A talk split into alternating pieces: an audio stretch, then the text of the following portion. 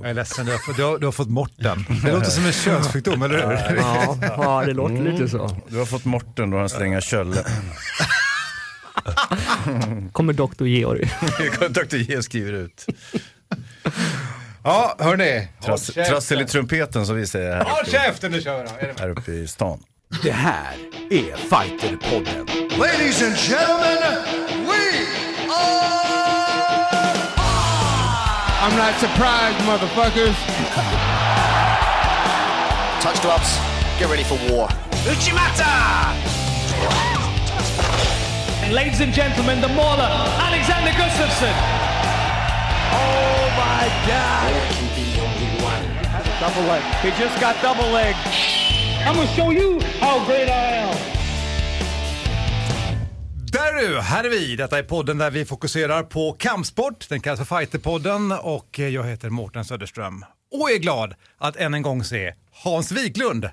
Eh, eh, hej ska du ha. Hej ska du ha. Ja, vad, vad fan hände? Var har du varit? Har jag varit någonstans? Ja, det har jag varit eljest ja, på sistone. Jag är väldigt ledsen för det. Jag vet att jag har svajat betänkligt om podden också i min frånvaro. Men nu är jag åter här. är ju mig eldandet för jävligt alltså. Jag har gått skitdåligt. Jo, jo, men samtidigt så har ju faktiskt eh, Simon Kölle på plats. Eh, ska vi kalla honom för kampsportens Björn Hellberg så är det sagt. Oh, ja, men Ja, gärna, det är lite gärna. av ett orakel faktiskt. Ja, det det måste man säga. Det Ja, är, jag tar det gärna, jag tar det gärna. Ja, men, eh, den här podden handlar om att vi pratar om kampsport och inte bara MMA utan vi försöker prata om eh, alla olika typer av kampsport. Jag och Hans har ju en favorit, alltså vi favoriserar lite grann BJJ. Ja.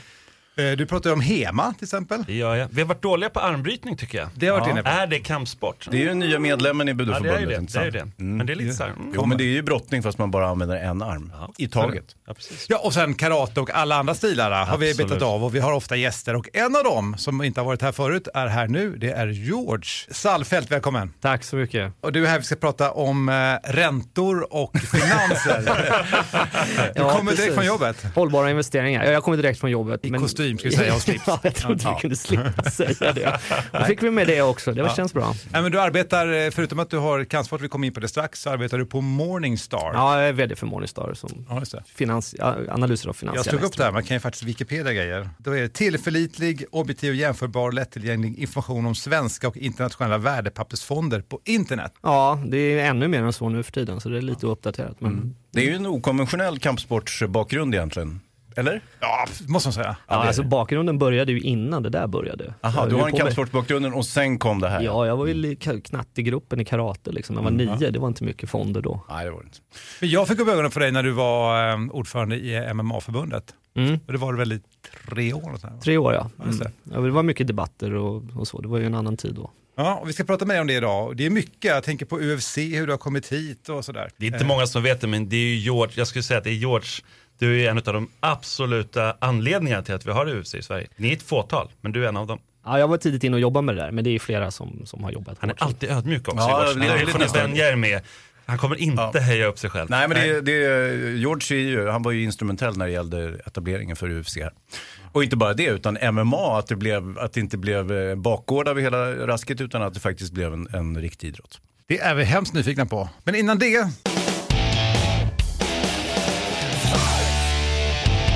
Det är veckans kampsportsnyheter i korthet med Simon Kölle. Och det är alltså veckan som har varit och veckan som kommer. Och du får gärna vara med nu, George, här och tycka till och sådär. Det brukar bli lite mer än så. Det, brukar, det här korthet har jag försökt eh, jobba på, men eh, jag blir bättre och bättre enligt Hans i alla fall. Så att, eh, Du har blivit bättre då. ja, tack, tack så Men mycket. vilken gala det var i helgen! Vilken gala det var. Men innan vi kommer till den så Ah, okej, drar vi oss tillbaka lite, lite till. Lite, lite till. Sebastian Kadestam som vi har haft här i eh, Ja. podden gjorde ju en fantastisk insats i One. Helt oförberedd, mötte en eh, tuffing, Luis Santos som eh, obesegrade de senaste 6-7 matcherna och var number one contender, skulle möta Ben Askren troligen i nästa match för det här var bara liksom en ja, ja, stepping stone verkligen. Sebastian Kadestam som eh, chockade hela världen och vann i tredje ronden. Mm. TKO knä. Där får man ju knäa på marken George. Mm, mm. Ja, Varför precis. får man inte göra det i Sverige? Det har ju väl utvecklats två tydliga riktlinjer då, det som kanske var de gamla Pride-reglerna då, eh, där man också får göra soccerkicks och så, alltså sparka mot huvudet på en person som har eh, mer än tre punkter i marken. Eh, och så har vi då det amerikanska Unified-systemet då. Eh, och jag tror att det är väl riskmomentet är som är för stort, eh, att det blir för mycket det blir för mycket kraft där som helt enkelt kan leda till allvarliga skador. Det, vad, vad säger du Hans? Är det Ja, vad hände med hans motståndare? Han blev ju totalt knockad. Ja, konstigt. Sådär, och följde upp med knä på marken. Men, men du har ju sagt tidigare att han vinner utomlands, men han vinner inte i Nej. Sverige. Ja, Det är jag fick rätta. Jag spelade faktiskt på honom också just av den anledningen. Så att, För vi hade någon som gäst och det var inför Superior Challenge, inte sant? Exakt. Och där gick det ju aningen sämre. Det gjorde ju det. Ja. Och nu mötte han betydligt bättre motstånd. 63-9 gick den här killen in som jag mötte. Men den matchen hade aldrig fått gå i Sverige ska jag säga. Aldrig, en chans i världshistorien han hade fått gå den matchen i Sverige. Men han vann den. Så att, jag menar, det är ju också lite sportens tjusning på något sätt. Hemmaplan kan vara tufft inom kampsport kan man säga. Man kan få en väldig adrenalindump av, av den här pressen som finns. Ja. det, det kan ta sig uttryck väldigt tidigt eh, när man kommer in. Och, så. Det har ju hänt vid tidigare UFC-galor i Sverige också. Faktiskt. Ja, mm, vi har sett det. Men vill man höra mer om honom, Fighterpodden 17. Ja men kul, verkligen. Och nu kommer han möta Ben Askren i, om eh, bältet. Och Ben Askren är ju en, eh, inte direkt en duvunge för de som har hängt med i kampsportsvärlden. 16-0 i record och har eh, krossat alla egentligen. Nio raka i Bellator, ruskigt motstånd. men Sebastian har sagt ja, de ska mötas i augusti.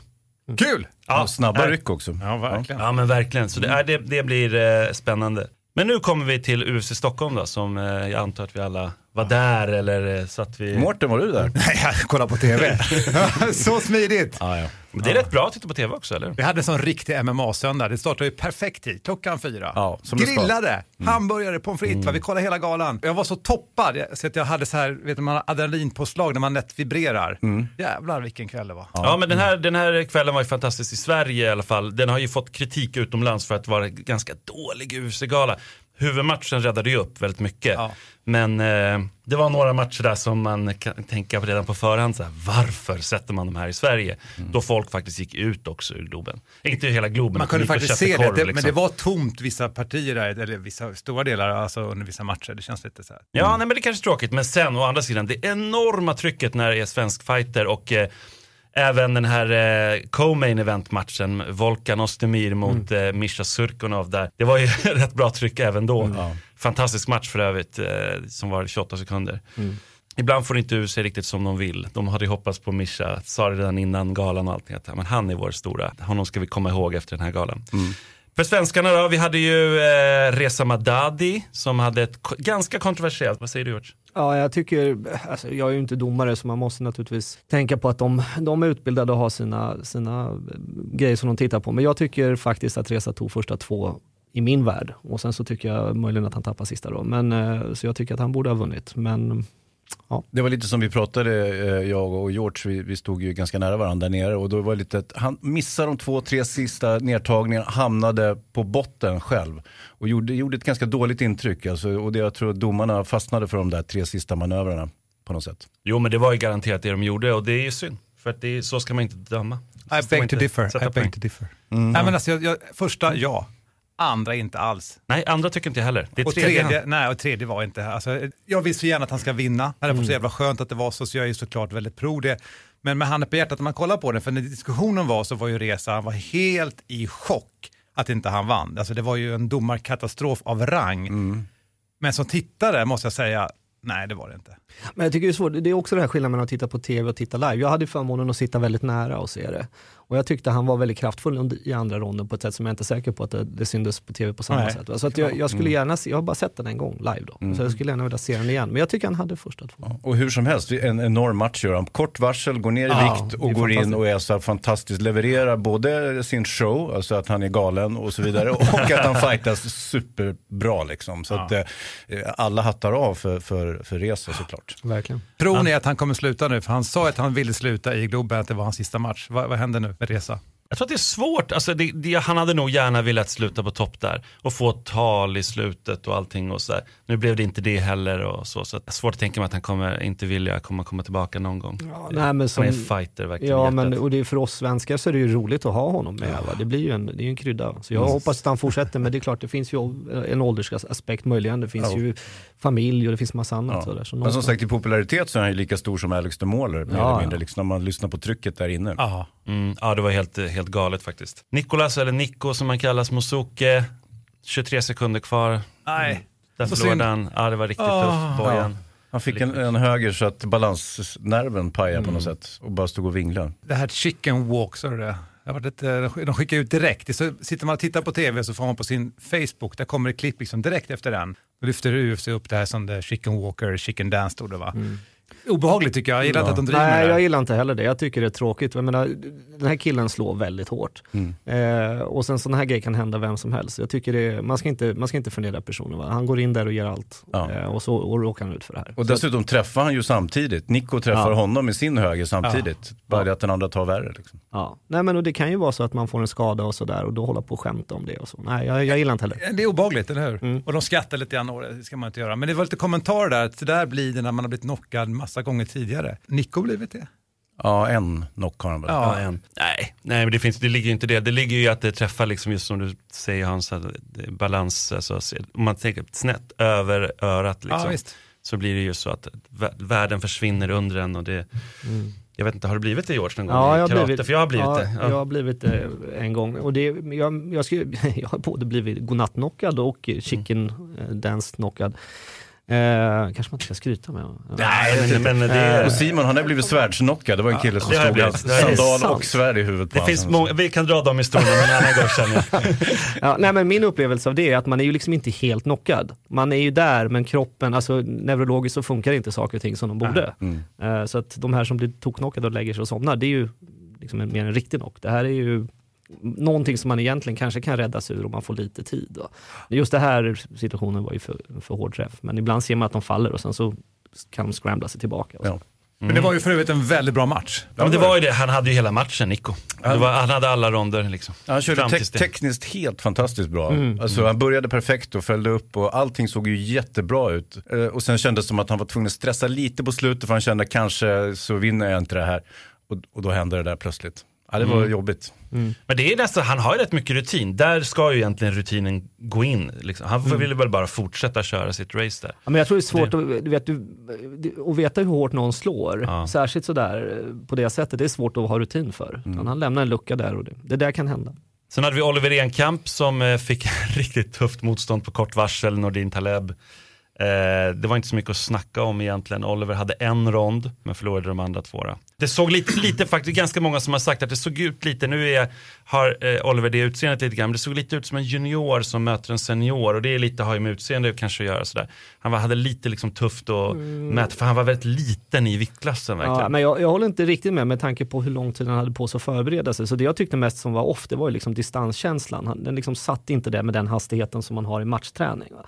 Får han en ordentlig kamp och får förbereda sig ordentligt så tror jag inte alls han kommer Utseende, herregud, jag ser ju otroligt ut, precis som, Ja, som jag. Hans, jag ser ju jätteung ut, men ta- folk tar oss ändå på allvar, märkligt nog. Först, Men jag då? Ja, det är ibland när man, när man går förbi en dagiskö sådär och man bara sugs in bland alla, alla, alla små galonbyxor och där går Georg och jag och liksom. Nej, men jag, jag tyckte också med Oliver Enkamp att han fyrade av allt han hade i första ronden och hade inte distansen och visade upp exakt vad han kunde göra för någonting. Nu möjligt att motståndaren redan kände till det, men, men som sagt alla hans fina karatetekniker sådär och allt var i luften liksom. Jo, men också om man tittar på skillnaden mellan honom och Alexander Gustafsson där, att Oliver lät sig, kan man inom situationstecken, lät sig hamna liksom mot buren och tog sig inte ut där Alexander Gustafsson springer istället Mm, ut. jävlar vad han sprang. Ja, Jag vill bara säga att i Fighterpodden, för vi var lite så här, det var ju Johan Haldin sist här. Ni sa ju bestämt att Oliver skulle vinna. Jag var den enda som sa att jag tror han kommer förlora. För det vågar jag faktiskt säga och så fick jag rätt. Det är jag glad för. Där fick du rätt, där fick du rätt. Men jag känns tror- det jättedumt att jag tar upp det nu. Ja, men jag, tycker, jag tycker inte man ska se det som en fullständig förlust. Jag, menar, Nej, tänk dig det var- själv att göra ett Nej. debut på det sättet på hemmaplan med så kort varsel. Det, det är inte lätt. Jag vill Så- faktiskt säga att det var en jättebra match uppe på tv. Ja, han såg mycket mindre ut. Han såg verkligen mycket mindre ut i, i bild. Inte bara så, så här, utseendemässigt, men han såg mindre ut kroppsmässigt. Man men, skulle väl, det var ju jättekul att han fick debutera hemma och så vidare och alla har tjatat om hans debut. Så, men, men kanske han skulle haft en lite enklare motståndare. Han var ju ingen sopa direkt. På huvudkortet liksom i, ja, f- med den här enorma publiken och allting. Ja, det var tufft. Men till lite roligare då så hade vi Jack, the Joker Hermansson som fick göra, det var så kul för att det var, det var verkligen som att han, det var ju första gången han fightades i Sverige i, eh, som proffs. Och göra det här på vid Globen. ja, det var fantastiskt, vilken match. Mm, helt otroligt. Och glad var han. Och när han kom in och när han gick ut. The Joker, ja. det är klart han är glad liksom. Vi tar och ringer Jack sen. Ja, men vi gör det, vi gör är det. Det tycker jag. Och sen då eh, avslutande för Sveriges, svenska delen, om vi redan pratar Folkan och Mischa, så var det ju Alexander Gustafsson, The Mauler, som verkligen demolerade Glover Teixeira. Vad kan man säga om det George? Jag tror man kan säga flera saker. Man kan kanske börja med att bemöta de, de, de eh, kritiker som finns. Eh, och då tänker jag inte i första hand på att han eh, tar sig ur situationen genom att springa runt. Liksom, utan första delen var ju det här med ögonpetning. Mm. Jag vet inte om ni såg eh, Mark Goddard la ut en förklaring, alltså han som var referee, som var domare då, där inne. Eh, och det var de som tyckte att han borde få poängavdrag och att det borde skett en massa grejer. Och sen var det de som tyckte att han säger till doktorn att nu är det slut, nu får du gå ut. Liksom. va. Eh, och han förklarar det här väldigt bra i en, i en video som han har lagt upp på Facebook för en timme sedan tror jag bara. Eh, där han säger så här, det finns bara en enda foul där eh, den tävlande får tid på sig och det är groin shots, alltså man blir sparkad mellan benen. Då kan man få upp till fem minuter om man som idrottare själv vill ha det. Det är det enda. Det andra är, allt annat ham- hamnar under doktorn. Så om doktorn säger att du är fine, då fortsätter man. Och han sa själv att han tycker inte det är helt idealiskt, men det är så det är. Ja, det finns ju en föreställning om att man, får man en ögonpetning så ska man också få fem minuter. Det tror jag att väldigt många tror. Men det, det finns alltså ingen sån regel. Nej, den är bara kopplad till eh, Punkspark. punk, punkspark. Men det där är ju också mycket kommentatorer, kommentatorer och så som har liksom helt enkelt haft fel, varit felaktigt. Så att det, det är ju det är mycket som har lärts fel. Mm. Så. Men det, för det är ju ändå fortfarande en lärdomsprocess, även om vi hade väldigt, väldigt liksom, utbildad Mm. svensk publik tycker jag. De buade lite grann ibland, så här, men det var ju, Men vad tycker du om det Simon? Det, det är intressant. Han, han skri, det är första gången han lägger ut en video där han förklarar ett skeende då, väldigt konkret. Och eh, han säger också att det, det gör man inte i USA utan nästan tvärtom, att så här, frowna på. Man, man ser nästan ner på att förklara sig. Va? Han, nu ska han då försöka börja göra det. Vad tycker du? jag tycker det är helt fantastiskt. Det är precis det som skulle gjorts för länge sedan. Ja, och det blir Det en utbildning. Och, Ja, det, är det, det är exakt det som behövs. Mm. Så eh, en bra gala, två miljoner. eh, Men vänta, vänta, vi måste ju adressera att, att Alex springer som Ja, första ja just Ja. det. Just det ja. Mm. Kom igen nu. Alltså, jag har väldigt tydliga åsikter där. Ja. För Bra mig, gjort. Ja, men herregud, för mig är det ju som så att det här är ju en taktisk eh, kamp. Det är ju som schack. Va? Mm. Och du måste ju då, om Simon är bra på någonting som jag vet att han är bra på, då måste jag se till att undvika det och se till att få utrymme för mina taktiska fördelar. Och var det någonting Glover hade så var det den här höger overhanden. Träffa den, då, då kan det vara godnatt. Va? Och jag tycker han tog sig ur det, han gjorde vad han kunde, han drog tillbaka matchen till, till mitten av buren. Jag tycker det är briljant. Jag tycker det var, som sagt, det var en taktisk triumf. Det var en triumf på alla händer. Alltså, det var ju bland det bästa jag har sett. Och vi pratade om det, jag och George, i hissen upp. Att herregud, det här var nog bland det bästa vi har sett. Faktiskt. Det Jo, var, men det, det var det, otroligt bra. Jag håller med dig, jag håller verkligen med. Det var, jag sa det faktiskt till Andreas Michelsen också. Han sa ganska intressant grej då att han höll med, men han tyckte också att Alex var minst lika bra, eller kanske till och med ännu bättre, när han mötte Cyril. Det var det. Och det ja, kan man diskutera, för det var kanske lite sämre motstånd då dock. Ja, än- Cyril är väl inte supermotstånd, eller? Nej, men han har varit en gång i tiden. Ja, men, absolut. men absolut, men ändå, hur som helst, då var ju Alex också väldigt bra kanske. Men det, det var lite otippat svar av honom, men eh, det, han var nog, det var nog hans bästa match. Men det här tycker jag var hur hans självförtroende växte. Alltså, man såg hur det vibrerade i honom att han ville in och så var han lite så här i början. Som det är, så den jävla anspänningen måste ju vara helt crazy. Ja, men, ja, det finns en annan dimension också som handlar om självkänsla tycker jag. När du, när du flyr ifrån på det där sättet så är det klart att Alex fattar ju också att folk kan ha en perception, de kan ha en uppfattning Ja. om det där. Och då kan han kanske sluta göra det bara för att det ska se bättre ut. Och det vore fruktansvärt korkat. Så han har ju självkänsla, han fortsätter med det strategiskt tills dess att han kan vara den som dominerar. Ja men du såg ju, Teixeira blev ju frustrerad. Alltså, Han Ja. blev ju helt galen Ja. att han inte fick in. Och det gjorde ju att till slut fick han ju ett, så att säga, ett mentalt övertag, Alex. Och sen började han ju träffa mer och mer och så kom uppercutsen mer och mer och sen så var det liksom klart. Och den taktiken, för mig är det därför det är en sport. Punkt. Ja. Alltså han gjorde exakt rätt för att besegra motståndare i en bur. Man tittar på italienarna i fotboll som backar ner hela laget och sen så kontra. Eller AIK. Nej, snacka inte skit om Mark. Sveriges bästa lag.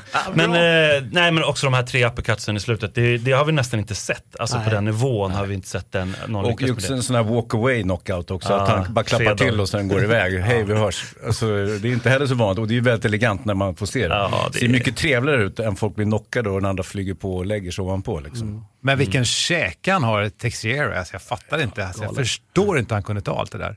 Nej. Vilken frustration.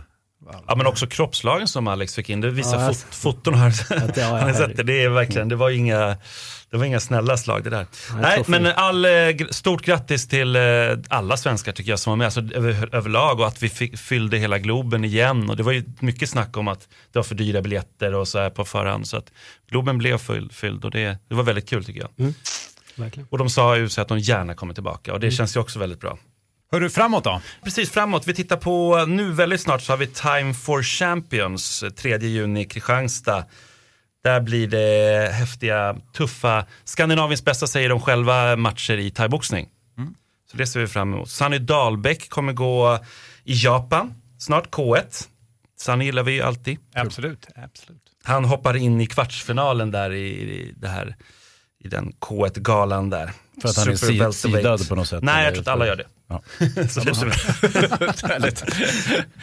så Att kvala i två dagar innan. Ja, ja, precis. VM i BJ börjar ju nu, ungefär samtidigt som vi spelar in det här. Så att, eh, och det kan väl egentligen du prata mer om antar jag Hans, men vi har ju skickat eh, Elina Mostam har vi skickat, Martina har vi skickat, eh, Cemil har vi skickat, Simon Immerstrand har vi skickat, Emad, Omran, Madeleine Håkansson och Max Lindblad. De är Ja. de Det är Ja. ett jättebra team, Ja, det, det får man ju säga. Och det är också, jag brukar ofta skryta lite med Prana där jag tränar. Och, eh, och det, För det, att Emad, Max, jag kan säga Jamil tränar där. 90% av landslaget är Prana Ja. jujutsu. Vilket ju är lite Det kan ju också vara att ni har haft precis och Kentas jävla utpräglade tävlings... Nej, det är ju Hans närvaro. Ja, Jag, är också, jag skänker ju trygghet och ro, arbetsro till grabbarna.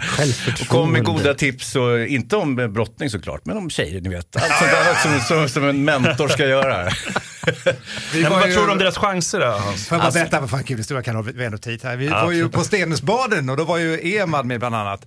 Och då sprang jag upp där så skulle jag skicka en bira i handen på Emad och bara, Hans bara, han är muslim vet du. Ja, ja, ja, ja, så här.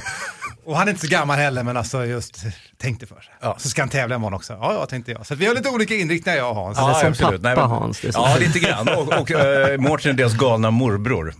Lite grann Crazy guy. Men det kanske är lite annorlunda där också i Stenungsund. Det är Vänta lite nu, nu är vi där igen. Ja.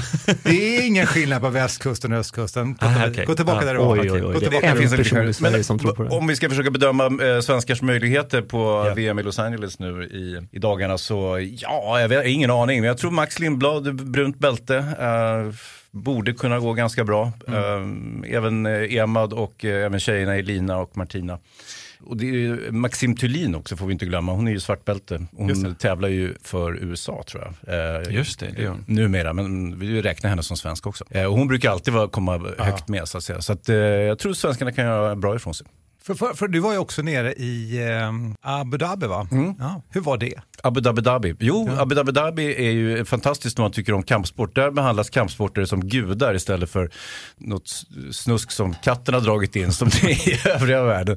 Nej, men man har, man har ett väldigt anseende så att säga och man sköter verkligen om sina fighters. Och det är inte bara brasiliansk jiu-jitsu som råkar vara väldigt stort i eh, Abu Dhabi utan de har ju även MMA och judo och massa annat också. Och eh, shejken där har valt att eh, det här är väldigt viktigt och bra att satsa på. Och man har en fantastisk arena som är för kampsport eh, som är liksom slår i Globen-storlek. Liksom. Så att eh, det är ett enormt härligt land om man gillar kampsport. Om man inte gästarbetar från Indien då tror jag kanske att det inte är fullt lika trevligt att vara i Abu Dhabi. Men, men eh, så att säga, att komma dit som kampsportsturist det är, kan jag verkligen rekommendera. Vad härligt, kul. Ja, och sen har vi då IMAF, eh, Asian Open Championship, 12-15 juni i Singapore. Och det är ju någonting som du vet bättre. Du sitter, väl, i- du sitter i styrelsen fortfarande? Ja, jag är vice ordförande för IMAF. Ja. Så att då, det är egentligen någonting du kan snacka mer om. Hur stort är det här eh, egentligen? Ja, det här är första asiatiska öppna som vi har eh, och vi gör ju det i samband med UFC-skala i Singapore. Så att vi eh, samproducerar det. Förlåt, är det amatör-MMA vi pratar om? Ja, just det. Nu är amatör-MMA och det har vi ju. Sverige är ju världens bästa land för amatörer. Då. Just det. Point by point. De har ju tagit flest medaljer och flest placeringar. Då. Jag tror att det blir ett, jag vet inte, det kommer inte vara lika många som på EM. EM var väldigt framgång för Sverige också. Men det kommer att vara ett gäng. Eh, Jag, Jag kan dra dem, jag kan dra dem. Ja, jag har dem här. bra, ja. Vi har ju Fanny, på damsidan då har vi Fanny Redman, vi har Anja Saxmark som har gjort väldigt bra ifrån sig och Gabriella Ringblom som är ju värld, Mm. världsmästare. Så att det är inte helt eh, illa pinkat. Så på herra, herrarna har vi Renato eh, Vidovic, heter han va? Vidovic, ja. Sen har vi Daniel Sjölander, som också är lovande. T- eh, Tobias Harrela, som många säger ska bli den nya Alexander Gustafsson, vi får se.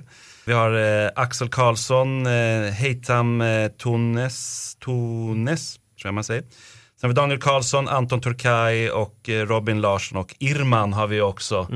Smajic som eh, också är gäng! världsmästare. Som, Ja men det är häftigt, de åker på i stort sett allting och jag tror att det här är deras upptaktning för VMet då som vi då har i Bahrain. Det är lite så otippat varför man har VM där. Vi har pratat om det lite, eller nämnt det tidigare, men just där Bahrain, det är inte direkt eh, känt eh, MMA-land om man säger så. Nej, Men det, är, så- det är som med Abu Dhabi, det är ju inte heller Fast ett land som, känt, det har ju blivit jo, men det är inte ett land som innan. producerar väldigt duktiga inhemska idrottare, utan det, det är ju någonting annat. Så att säga. Shaker som gillar eh, fighting. Kanske det är så enkelt. Ja, nej, men det är ju, jag, kan- jag kan ju förklara varför. Vi har ju varit det. i Las Vegas eh, tre år i rad eh, och vi vill ju gärna vara någonstans där det finns en lokal, eh, lokal förankring och stort intresse lokalt. Och eh, då är det ju så att de, de, de har lite en annan samhällsstruktur än vad vi har och där finns ju prinsen som är väldigt intresserad av MMA. Han har tävlat själv i MMA på amatörnivå och eh, har under flera år velat att vi flyttar VM dit. Eh, och då till slut så blev det så. Det är väl även en fördel ur tidsaspekt, tidszonen, det bara en timme va? Ja, för oss är Ja. det två, är det en eller två? Två, jag tror att det är två till Abu Dhabi, så att det kanske, ja, Det de nära. ligger på ett pärlband alla de här förenade arabemiraten. För oss är det bra, amerikanerna är mindre bra. Men amerikanerna hade sina uttagningar nu och de kommer med ett starkt lag. Så att, Ja, men roligt. Många, många hoppas ju på att vi någon gång ska få det till Sverige eller till Norden, så det kanske kommer någon gång. Men jag tänker på att det är, som, det är en svensk uppfinning. Ja, nu sitter George här och tittar. tiger som muren. men Jag vet inte vad det är, är det poker vi spelar här? Ja, nej, men det är ju... Det, men det jag, 2019. Vi, vi, ja, Ta är du viktigt- solglasögonen? Nej men det är ju som så här, vi, alltså, i och med, det är större sannolikhet att, att eh, VM i MMA kommer hit än att OS kommer hit om vi säger så. Vi som sitter i styrelsen gör ju det pro bono, vi alltså gör det utan betalning. Eh, IMAF är en non-profit verksamhet. Men det betyder inte att det inte finns kostnader. Det finns stora kostnader för att få ihop allt det här. Och då måste vi vara någonstans där vi får en, en bra sponsring och en bra finansiell lösning då helt enkelt. Och det, det, det, det, är, det är tyvärr mycket det som styr. Vi, vi, kan, vi kan lägga det på andra ställen men då blir det himla dyrt för de som ska åka dit. Då. Mm, ja, det är klart. Och det är redan dyrt ska jag säga. Det är många som tycker redan att det är för dyrt att åka. Mm. Ja, nej, men det är synd om det kommer emellan, liksom, att det blir för dyrt för folk. Inom jujutsu så har man ju ett kvalsystem så att säga att man, vinner man tävlingar i Europa så eh, vinner man sin biljett till eh, proffs-VM i Abu Dhabi så att säga. Och det är, ju- det är en ganska bra idé egentligen. Vi tittar på det, men det är så att det är så mycket färre som tävlar i MMA. Mm. Eh, Så att eh, vi får hitta någon, men det, det var faktiskt på förslag i år redan. Något annat som har hänt i kampsportsvärlden precis senaste tiden här, det är ju att kickboxnings-VM som ska hållas i oktober i Brasilien var det tänkt, har flyttats till Budapest. Så att det, det hör ju inte till vardagen direkt att man flyttar ett VM, men det har de gjort nu. Oj då. Ja, det. gjorde det förra året. Ja. Men, men va- varför? Nej, det är hemligt, det, är- det är mörkat. Så att man vet inte varför, men det, det finns ju något skäl såklart. Ja. Det, Men vad står det på Flashback? Flashback vet jag inte om det är så bra just för att kolla kampsport. Alltså, men, det här, eh, okej.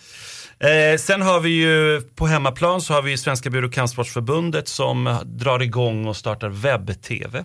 Ja, och satsar lite mer på det. Så de blir renodlat mer och mer en liksom sajt. Alltså, de har ju haft en sajt länge men det blir mer och mer en, en egen liksom, eh, plattform kan man säga. Vad tycker ni om det? Ja, vad har de för talents där? Vilka ska vara programledare och så vidare? Jag antar att Jonathan kommer väl vara inblandad antar jag. Så Jo, jo, han kanske är, kommer in han är en naturbegåvning. Ja. Men det, det, kan, det kan ju säkert komma in andra. De ska ju täcka och göra någon deal där med. De får gärna köpa över mig. Ja, varför inte? Varför inte? Men jag då? Nej, Vad fan gjorde Trodde vi gjorde det här ihop Hans. så här. nej Mårten, det var förut. Ah, okej, Ja, ja. jag måste Så om ni lyssnar, hus. då vet ni. Ja, Hans men eh, arbetslös. man kan säga rätt tänkt. Hoppas att det blir bra säger jag då. Ja, okej. Ja, men eller hur? Det är verkligen, verkligen Mm. så. Och som sagt, hör av er om ni skulle behöva. Lite expertis. Ödmjukt.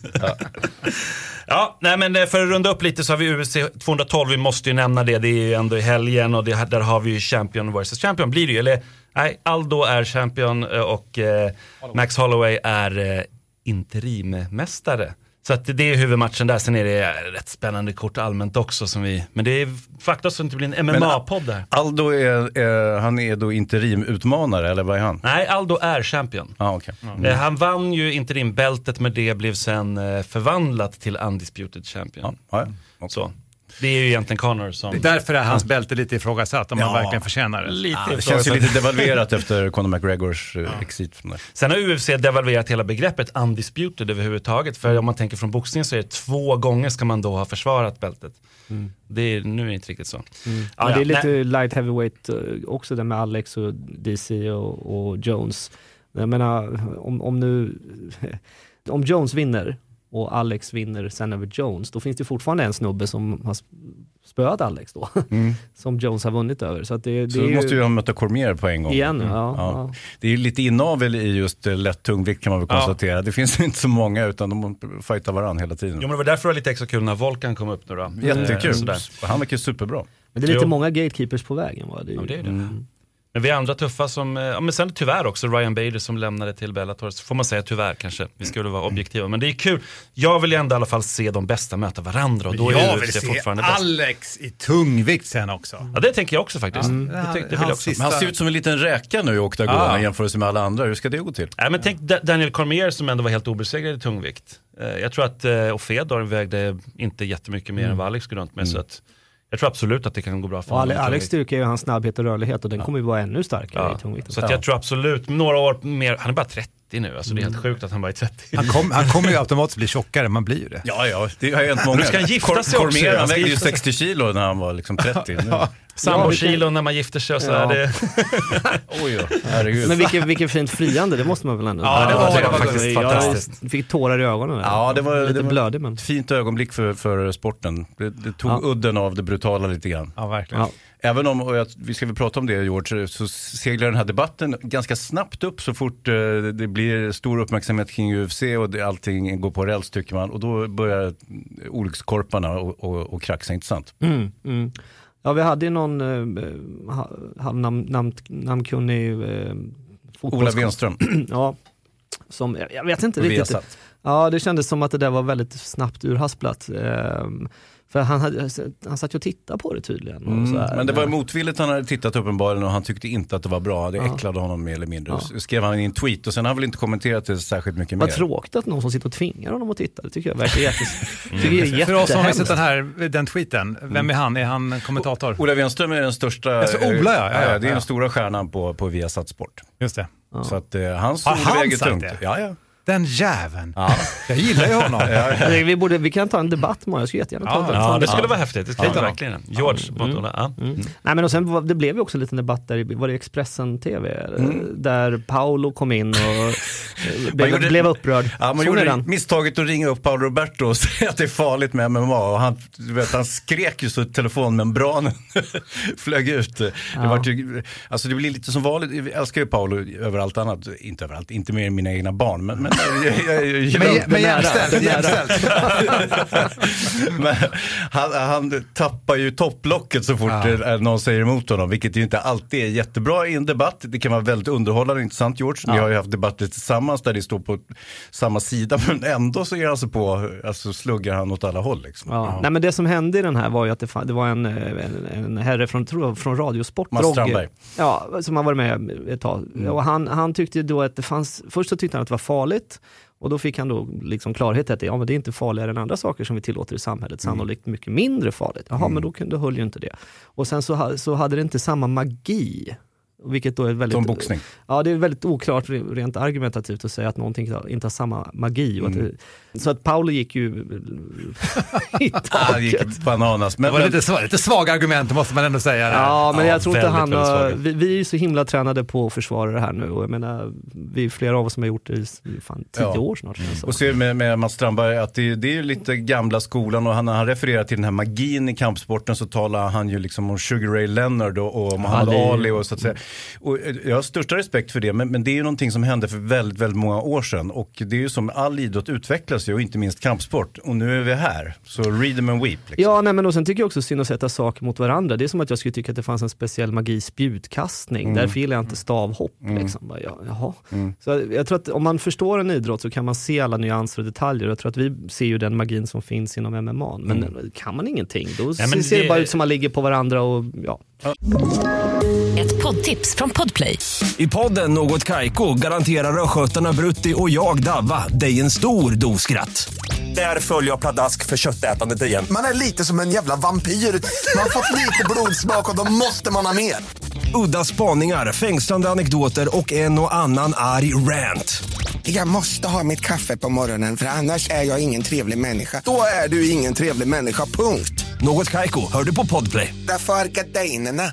Nej men precis, och det är som, eh, på tal om Ben Askren då, som jag nämnde, han har ju sin, jag vet inte om, om ni känner till vad hans andra sport är, förutom Nej, brottning. Det är ju diskgolf. Ja, så Alltså, eller frisbeegolf, ja, ja. precis. Ja, herregud. Där Det han är liksom, han är, inte? ja. Nej, det kanske inte är. Nej, men inte Snart. riktigt. Det, det skulle inte förvåna mig någon gång. Kollar du på Den- mig och sa, är det inte det, Mårten? alltså. Ja, Den är större och större i hela ja, världen. det är stort. Och där är han liksom bland de tre bästa i USA. Ja. Och så kör han det parallellt. Ja. Eh, bara en liten eh, kuriosa sådär från... Eh, Men får man, från flika in, eh, får man flika in det senaste, vad som händer med OS och MMA? Ja, men gör Ja. det gärna. Ja, jag var nere på Sport Accord Convention då, som är den stora gruppen där alla olika internationella idrottsförbund samlas. Och det är första steget för att sen kunna eventuellt bli del av eh, internationella olympiska verksamheten. Eh, och och det är, eh, finns väldigt mycket motstånd från de befintliga kampsporterna. Det är väldigt tråkigt. De andra sporterna tycker inte, de tittar på vad vi gör, och våra, så här, vår, so- vår sociala verksamhet och regelverk. Och vi särskiljer oss ju väldigt lite från andra stora förbund. Men det, är, det blockas mycket av, eh, av Alltså, de pratar vi judo och eh, taekwondo då? vi, nej, vi, nej, inte taekwondo faktiskt, utan vi pratar judo och brottning. Och thaiboxning. Mhm. Det är jättetråkigt och jag vet, de har inga vinster av det och jag vet inte. Men vi jobbar på och vi är på alla sådana här tillställningar och vi försöker övertyga. Men ni vill gärna, alltså, eh, när du då eh, som representant för styrelser i, i eh, MMA, att, att ni vill bli en OS-sport helt enkelt? Ja, och det är viktigt av en väldigt särskild anledning. Va? Det är för att den här professionella delen, den kommer finnas kvar. Utan det är amatördelen som vi vill ska bli olympisk. Och det är för att i, i, på gräsrotsnivå så är det inte alla äh, länder som har möjlighet att bli proffs. Och det finns oerhört mycket duktiga eh, utövare i Afrika och det, över hela världen. Och om, om det finns en amatörplattform som är godkänd då, via, via den olympiska verksamheten, så skulle det vara ett stort steg för sporten. Och då skulle så här, basen för rekrytering av proffs och sådär bli enormt mycket större. Så att, eh, jag förstår de som säger, men vad ska, varför ska MMA in i OS? Men, men, Ja, nej, men precis. Och sen får man ju tänka, i Sverige är vi rätt dåliga på att ge våra amatörer pengar och sådär från, Mm. från statlig nivå. Men eh, det gör man i många andra länder. Ja, så visst. att om man bara får ställa upp i OS, då får du liksom en lön hela året. Ja, ja. Och sådär. Så det kan ju vara en helt annan, på en helt annan nivå. ja. Så. Det var i alla fall lite nyheter och lite sådär, men jag tycker vi ska ringa Jack.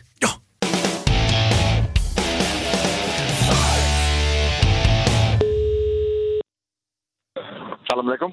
Är det Jack Hermansson? Ja, det är det. Salam! Tja Jack! Grattis! Tack. Detta är eh, Fighterpodden. Tjenare. Vad gör du? Jag sitter i en bil hem till Svenska trakter i Uddevalla. Han är på väg till Uddevalla, Mårten. Hem till Uddevalla, hem till Sverige där han hör hemma. 0522! Vad ska du göra i Sverige? Ja, härligt. vildmarksfiske, sa du det? Ja, precis. Jag ska ut och ligga i skogen i fem dagar. Det är norröver då, eller? Nej, det är faktiskt söder om Oslo. Så eh, det är, det är hemtrakterna, vet du. Uddevalla. Jaha, du ska fiska i Uddevalla? Ja, ja. Men, men vad, vad fiskar du för någonting då? Regnbåge? Nej. Sutare, vet du vad det är? Eller? Absolut Ja, inte en sutare. Du Ja, metar alltså? Ja, jag är specimenmetare. Jaha, wow. Det är ju väldigt originell kombination. Vi har pratat lite grann om eh, vad kampsportare gör förutom kampsport. Och, och eh, att vara metare, det är ju något helt annat. Det är ju ett annat skrå. Det är ju, något, det är ju uppseendeväckande. Och i Stockholm betyder det något helt annat också. Ja, det gör det. det, gör det. Mätare. Men du, men du tar också upp de här sutarna, eller hur? Och så tar du bilder på dem och fotograferar och så lägger du tillbaka dem i vattnet, eller hur? Ja, jajamän. Men, men de kan ju vara ganska grova sutare. Vad är det största du har fått? Nej, jag har tre, tre, tre som eh, personbästa. Det är ju väldigt bra. Vi kan väl säga att för de som inte vet vad en sutare är, att det är en sorts blandning av brax och mört ungefär. Eller, eller karp kanske? Ja, mer åt karphållet och så med typ eh, ålaktigt skinn på sådär. Exakt så. De är fina. Och, vad, och vad, du, vad, vad tar du dem på? Det är inte mask va? Eller? Maggots. Ehm, eh, ja, man kan ta på allt, alltså väldigt mycket. Mask, majs, är något som kallas för boilies. Det är några sådana här eh, speciella bete som man eh, har till karp och sutare. Just det. Ja, till, och, och, och sen, vi måste fortsätta prata om sutare. Och sen, eh, Vad är det som pågår? jo, jo, men vi sa grattis Jack och vi ska prata alldeles strax om det. Men, men nu, eh, det här fiskespåret blir så jätteintressant tycker jag. Och, och mäskar ni då innan och håller på en stund eh, eftersom ni ligger ute då, eller? Ja, fa, fan vad du kan. Jag. Jack, jag metar också. Har gjort, Jag blir rädd att höra. vi har gjort en mässkampanj här nu i eh, vad är det, 14 dagar eller något sånt där. Mm. Så eh, polarna hemma i Uddevalla har varit, eh, varit ute varannan dag och, och, och mäskat. Då. Och det finns även eh, jäkligt stor karp i, i, i sjön, så förhoppningsvis så eh, lyckas vi dra en av dem. Härligt. Okej, då pratar vi kampsport då. Varsågod. Men du, det var en annan grej också Jack. Grattis till vinsten då. Hur känns det? Det känns riktigt bra det. det jag, är- jag flyter fortfarande på moln, så det, det är härligt det är det. Alltså jag måste säga att du gjorde en så jävla bra match. Ja, tack så hemskt mycket. Ja, det var ju väl kanske ditt livs match liksom. Ja, jag kände det liksom att nu... Och jag, jag, jag tänkte liksom det att nu, nu jäklar, nu är det dags att visa alla på hemmaplan vad, vad jag kan och, och eh, jag ska göra min, min, min bästa match liksom. Och, ja, eh, nu blev det ganska kort tid så jag fick inte visat hela arsenalet men eh, en liten smakbit i alla fall. Ja, men det var en bra smakbit tycker jag verkligen. Men du, var det där sista matchen på kontraktet eller? Eh, nej, det Du har är en kvar. Mm. Ja. Men det är ju ganska skönt. Bra läge. Jo. Det är dags för omförhandlingar. Ja, det är, UFC, de är ju svåra sådär, man vet aldrig hur många matcher man får och sådär. Det kan, det kan ju, men det, ju bättre man gör ifrån sig desto större sannolikhet har man ju det visar det ju verkligen. Du, vi diskuterade en sak här förut och tänkte höra med dig som faktiskt gör det här på riktigt och inte bara snackar om det som vissa av oss andra. Du får presentera dig George. här Ja, nu, för det- George det här är ju- Salfelt. Ja, jag tänkte jag skulle låtsas vara Simon Kulle här, att du missade det. Eh, jo, vi har, jag har en konkret fråga. Vi pratade om det här med att man kan få en, en slags adrenalindump när man är på hemmaplan. Det är väldigt mycket tryck och det är väldigt mycket förväntningar både från sig själv och andra. Och jag, när jag tittade på dig så kände jag precis motsatsen. Det såg ut som att du bara var lyckligast i världen och, och glad. Och så här. Kände, kände, du, kände du någonsin av något liksom, tryck i magen där som du inte brukar känna? Um, alltså jag är en eh, väldigt... Jag, jag är ofta väldigt nervös och sådär innan matcherna och eh, jag var faktiskt väldigt nervös under matchdagen den här gången och eh, kände massa nervositet.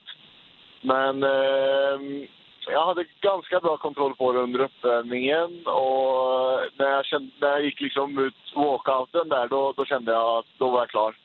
Och, eh, så det var inget... ehm, ja, där var det inte extra pirrigt längre utan det blev tvärtom och speciellt med all det här publikvrålet så det dödade nerverna lite grann. Vad härligt. Ja, Det var ett otroligt tryck verkligen i Globen. Det måste varit den fetaste Ja. publiken du någonsin har tävlat för. Utan tvekan alltså. Det var liksom, du nästan känner det, du vet, där, det öronbedövande. Men, men höll du dig till din gameplan? För vi trodde att du skulle brotta ut honom, men det var ju alltså tre minuter in, knock. Absolut, planen var att eh, om han eh, öpp- öppnar sig för nedtagning så skulle jag ta ner han och, och då är det då är det ground and pound eller submission som gäller. Och nu har du eh, 15-3 record va? Det stämmer. Eller who's counting? Jack, jag tänkte en sak nu när det går så bra för dig och sådär. Ska vi inte ta och stryka det där med Norge och säga att, att det är Sverige nu? och så ändrar vi när förlorar sen. Ja, ja. Det, kan, det vill jag inte gå in på. Det kommer inte att hända, så att vi behöver inte oroa oss för utan att eh, vi, vi säger att det är Sverige bara. Du eh, Jack, eh, alltid härligt att prata med dig. Vi hoppas kunna prata med dig snart igen. Lycka till nu. Nej, skitfiske menar jag. Skitfiske, tack så hemskt mycket. Hej då! Jack Hermansson va? Ah, vilken The snubbe. Joker. Mm. Ja, verkligen. Jag kan säga, det är viktigt för Norge också. Ni, ni känner till att det finns ett förbud i Norge och Mm. vi jobbar hårt för att få, få ändring på det. Och vi kunde ha hamnat på samma spår här och det var det Simon var lite inne på tidigare, att vi var många som jobbade väldigt hårt och vi jobbade på två spår. Det ena mot lagstiftaren, se till att det inte blev förbjudet. Det andra var att skapa en eh, acceptans hos gemene man för den här sporten. Och det har, jag tycker verkligen vi har lyckats. Men titta hur det kunde ha gått, det kunde ha blivit som i Norge. Det kunde ju det och nu, nu det kommer mer och mer. Med tanke på Emil Mikt och, och eh, Jack Morsen och sådär så eh, blir det större och större där också. Det behövs de här fixstjärnorna. Ja, och det är med Cecilia Brackhus också på Ja, boxningssidan. så det, det kommer ju hända där också. Det är det, är det som behövs. Men hur svårt är det att ändra de eh, lagreglerna i Norge? Nej, det är svårt på det sättet att det finns en lagstiftning så det måste ju gå genom parlamentet, genom riksdagen. Där, va? Så att det, och det är alltid svårt och det ska utredas hit och dit. Men vi, vi jobbar på det och vi har kontakt med det är framförallt idrottsrörelsen då som, eh, alltså deras motsvarighet till vårt RF. Eh, men det finns den här knockout-loven. Eh, som, det är knockout som vinstgivande moment eh, omgärdat med vissa restriktioner. Då. Men det, det börjar ju luckras upp, det är ju helt uppenbart. Hörru George, vi pratade lite grann om din tid när du var i MMA-förbundet som ordförande. Och eh, vi inledde med att prata om att du har varit tongivande i att få hit UFC till Sverige. Hur har den resan varit? Ja, det har varit väldigt spännande. Jag, jag eh, har ju väldigt bra kontakter med, med UFC då och det är framförallt kanske med deras ledning då som eh, dels som förra ägarna men även de nuvarande och vi träffades och jag hade trevlig middag här när de var, när de var här i, i veckan och diskuterade och så. De är ju en stor sponsor av internationella förbundet. Då. Så Mm. det, de, de ser till, jag tycker det är bra va? Att, att, man, att man genererar pengar på proffsnivå och sen ser till att också dela med sig ner till gräs, gräsrötter och, och bygga vidare på, på idrotten.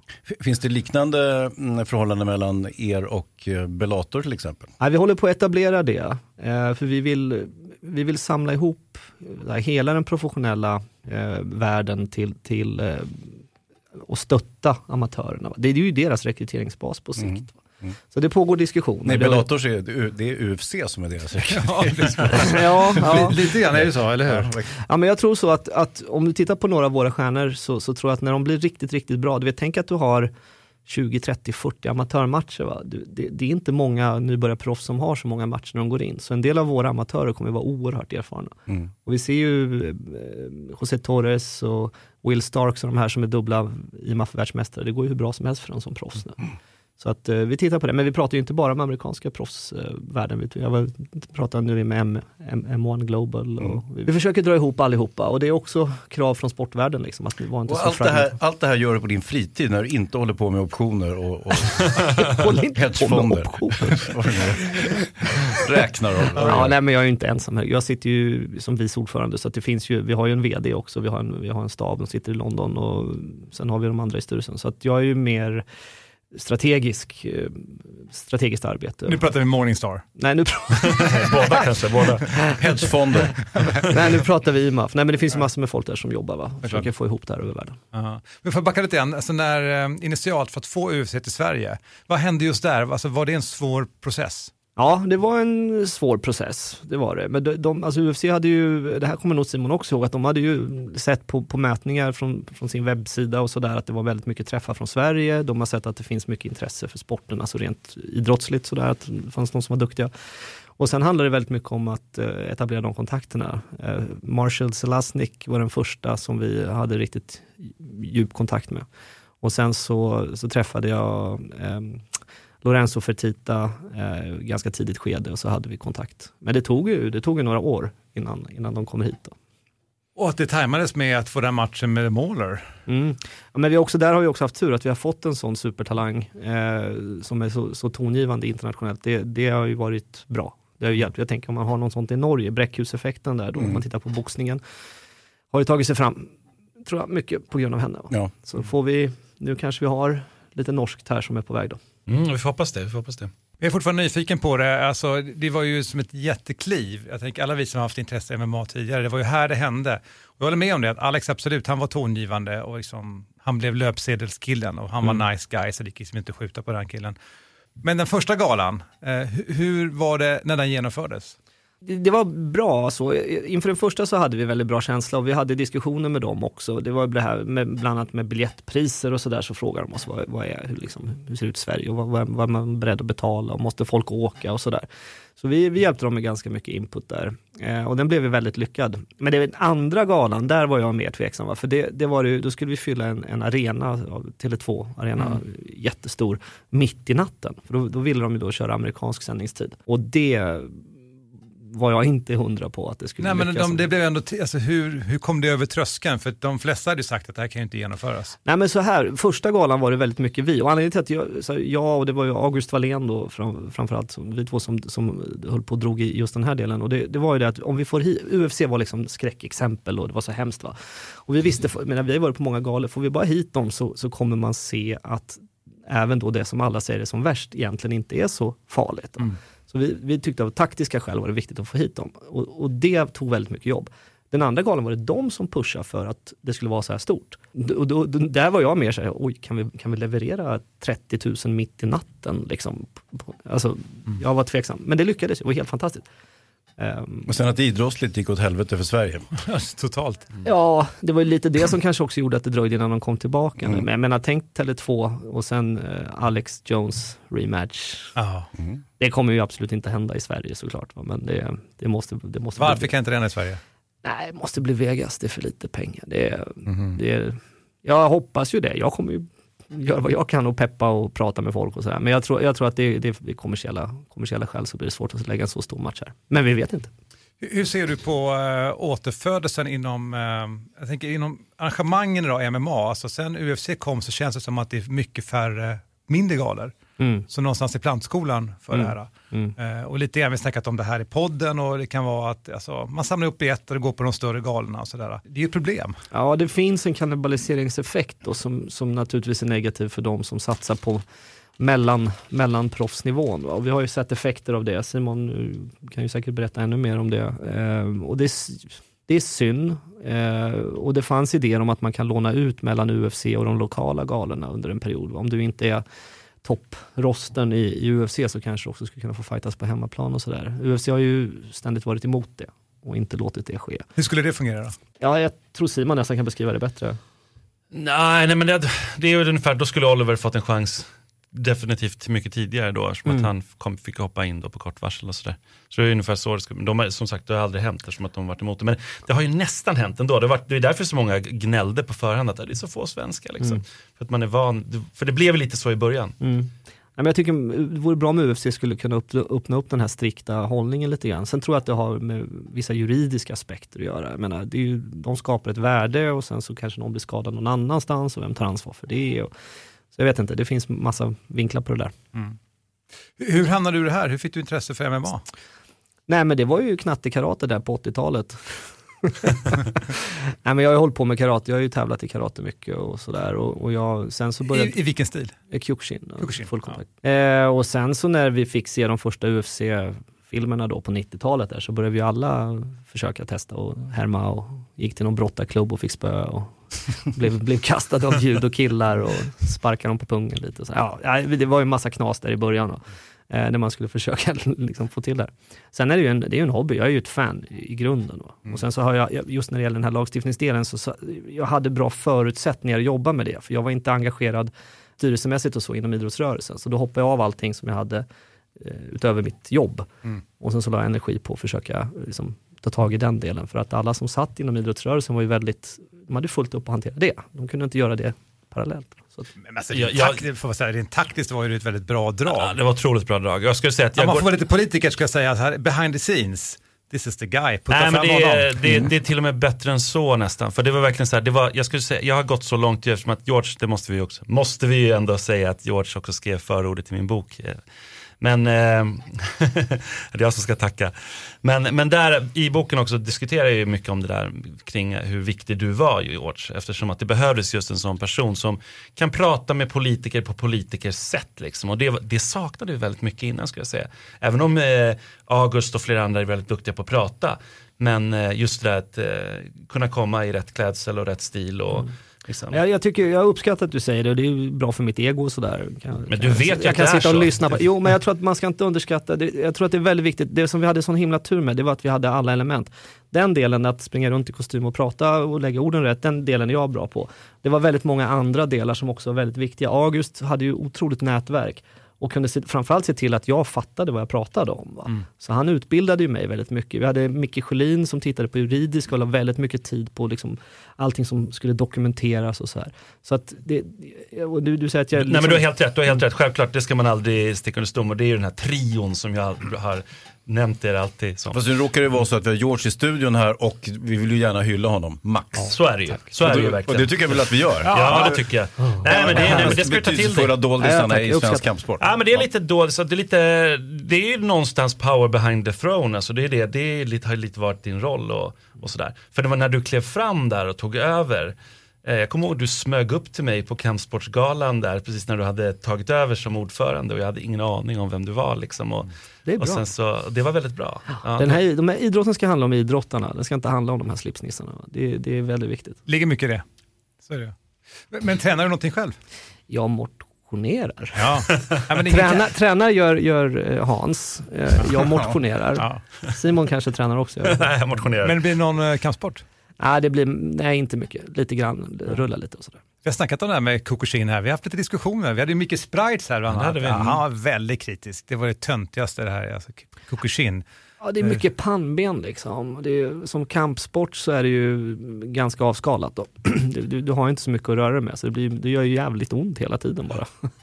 Men eh, det är mycket pannben. Ja, men just det att inte du får slå med händerna i ansiktet, att det Ja. finns liksom en ologik i det, Ja. framförallt Ja. idag. Med, med, Att den liksom har stannat upp lite grann. Och ser man en Kokushin-match idag så står de mest och sparkar på sina ben och jag förstår att det där är jävligt tufft och jobbigt, men det finns en ologik i liksom distans och timing. Mm, ja, nej men det, jag tror inte det eh, finns någon slags, det här är det smartaste sättet att slåss på liksom. Utan, utan det är mycket mer vilja, spirit, styrka och man ska ta sig igenom en turnering och det är hårt och du har inga skydd och sådär. Va? Så det, det, det är mycket mer pannben än något annat. Men det är som fem milen klassiskt liksom. Bygger är karaktär.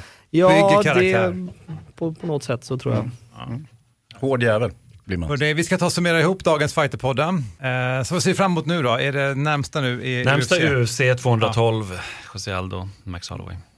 Hansa, vad händer i veckan? Oh, jag kommer att titta på, s- vad heter det, Eh, Flow Grappling som ju streamar VM från eh, Los Angeles, från Long Beach. Eh, jag tror att det kommer bli fantastiska tävlingar. Alltså alla de stora namnen är med och ofta ganska bra kommenterat också utav Bud och Jake som han heter, som är huvudkommentator. Och eh, snygga produktioner från USA. Och eh, jag tror det kommer bli jäkligt kul faktiskt. Nu är det inte primetime, det börjar typ sju på kvällen och sen håller på hela natten.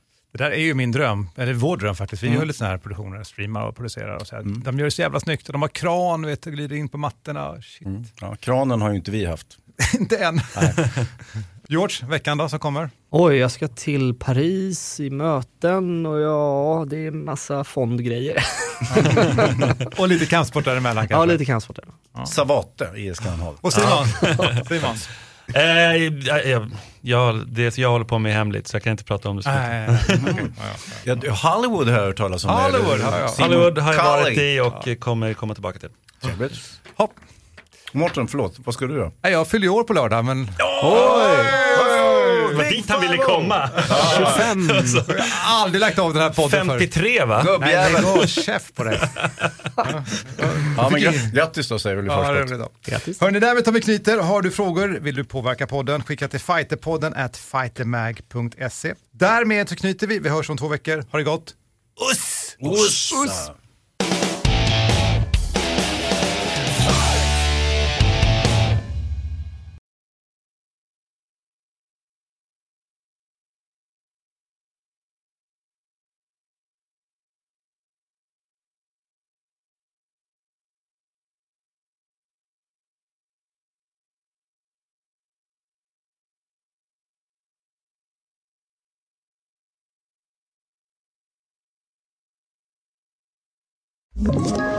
Ett poddtips från Podplay. I podden Något Kaiko garanterar östgötarna Brutti och jag, Davva, dig en stor dos skratt. Där följer jag pladask för köttätandet igen. Man är lite som en jävla vampyr. Man har fått lite blodsmak och då måste man ha mer. Udda spaningar, fängslande anekdoter och en och annan arg rant. Jag måste ha mitt kaffe på morgonen för annars är jag ingen trevlig människa. Då är du ingen trevlig människa, punkt. Något Kaiko, hör du på Podplay. Därför arkadeinerna.